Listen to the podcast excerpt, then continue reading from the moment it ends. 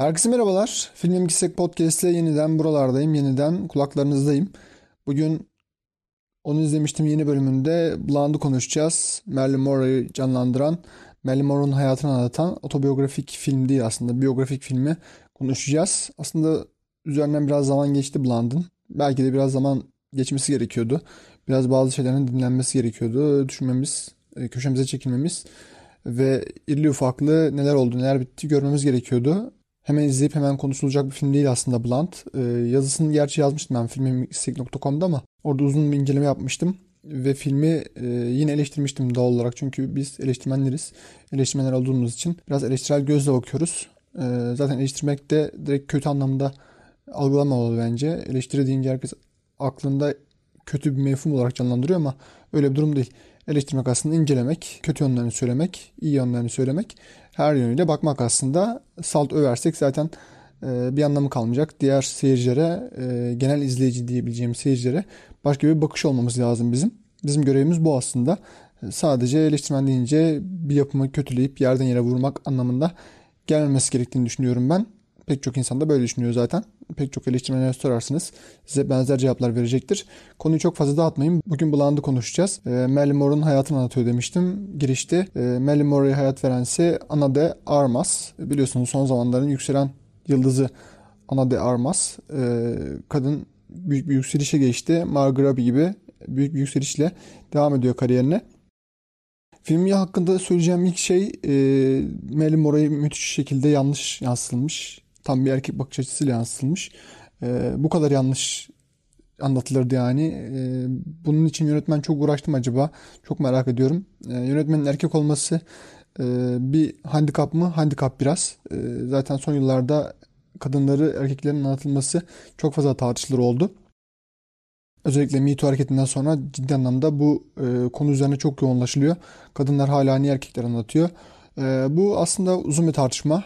Yani kadın yönetmenler kadın karakteri anlatmayı tercih etmiyorsa veya kadınların hala sektörde geri planda durması e, sebebiyle yani durması demeyeyim hala engellemelerle karşılaştıklarını biliyoruz. E, şu an pek çok e, sektör, pek çok e, festival pozitif ayrımcılık yapıyor kadın yönetmenlere, kadın e, sinema üreticilerine ama e, sonuç olarak hala erkeklerden geri durumdalar. Daha fazla belki de e, pozitif ayrımcılık yapılması gerekiyor veya kadınların daha fazla mücadele etmesi, daha fazla e, üretime katkı anlamında istekli olması gerekiyor. Bu bu şekilde kırılabilir.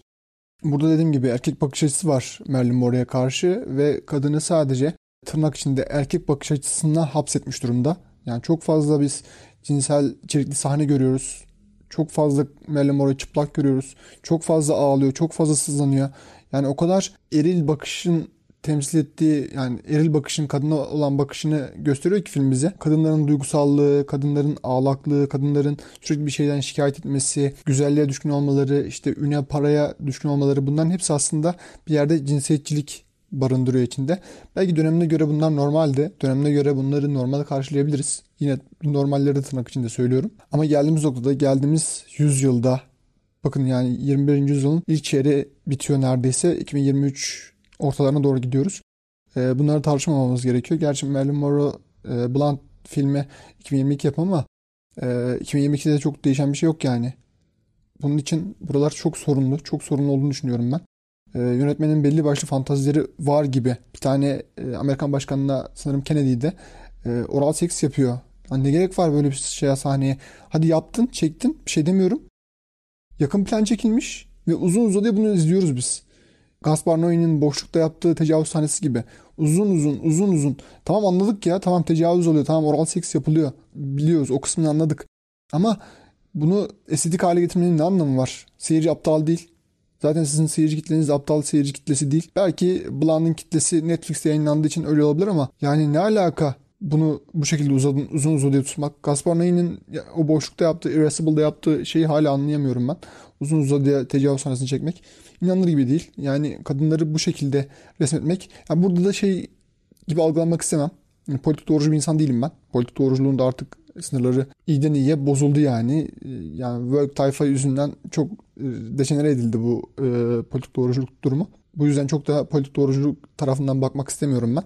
Ama dediğim gibi bu yüzyılda e, karakteri böyle anlatılmamalıydı. Yani kadının zaten hayatı acılar içinde geçmiş. O Hollywood'un çarkları arasında ezilmiş. O eğlence dünyasında, entertainment dünyasında hayatı yok olmuş, kaymış gitmiş. E, ve kadını bu şekilde resmetmek zaten bundan önce çok fazla Marilyn Monroe filmi çekildi. Bu kadar sorunlu olan ben görm tahmin etmiyorum ya. Bu kadar sorunlu olan bir film tahmin etmiyorum ben. Ciddi anlamda sıkıntı. Yani o sektöre dair çok fazla şey söylüyor ama çok sakınıyor ve Marilyn Monroe'nun hatırasının üzerine tepiniyor yönetmen. Yani uzun yıllardır bunun üzerine uğraşıyormuş. Çok uzun yıllardır emek verdiği bir projeymiş Blunt projesi ama bu mu olmalıydı? Yani karşılığı bu mu olmalıydı? Ee, yayınlandığı platformun da hakkını veriyor açıkçası. Onun da hakkını yememek lazım. Tam Netflix'e yakışır bir iş yani. Yıllarca işte etnik çeşitlilik ve cinsel kimlik çeşitliliği vurgulayıp Blunt'ta böylesine bir projeye onay vermeleri Netflix'in geldiği noktayı ve Netflix'in bakış açısını da bize yansıtıyor. Tam bir kapitalist odak, tam bir para kazanma odaklı bir yer. Başka hiçbir şeyleri yok, amaçları yok. Yani etnik, cinsel çeşitlilikmiş bunların hepsi sonuç olarak markanın işte o ticari, o kapitalist düzende para kazanmasına çıkıyor. Yani siz sanıyor musunuz ki sürekli gayleri görmeniz, sürekli LGBT bireyleri görmeniz, sürekli farklı azınlık grupları görmeniz Netflix çok sevdiği için yapıyor.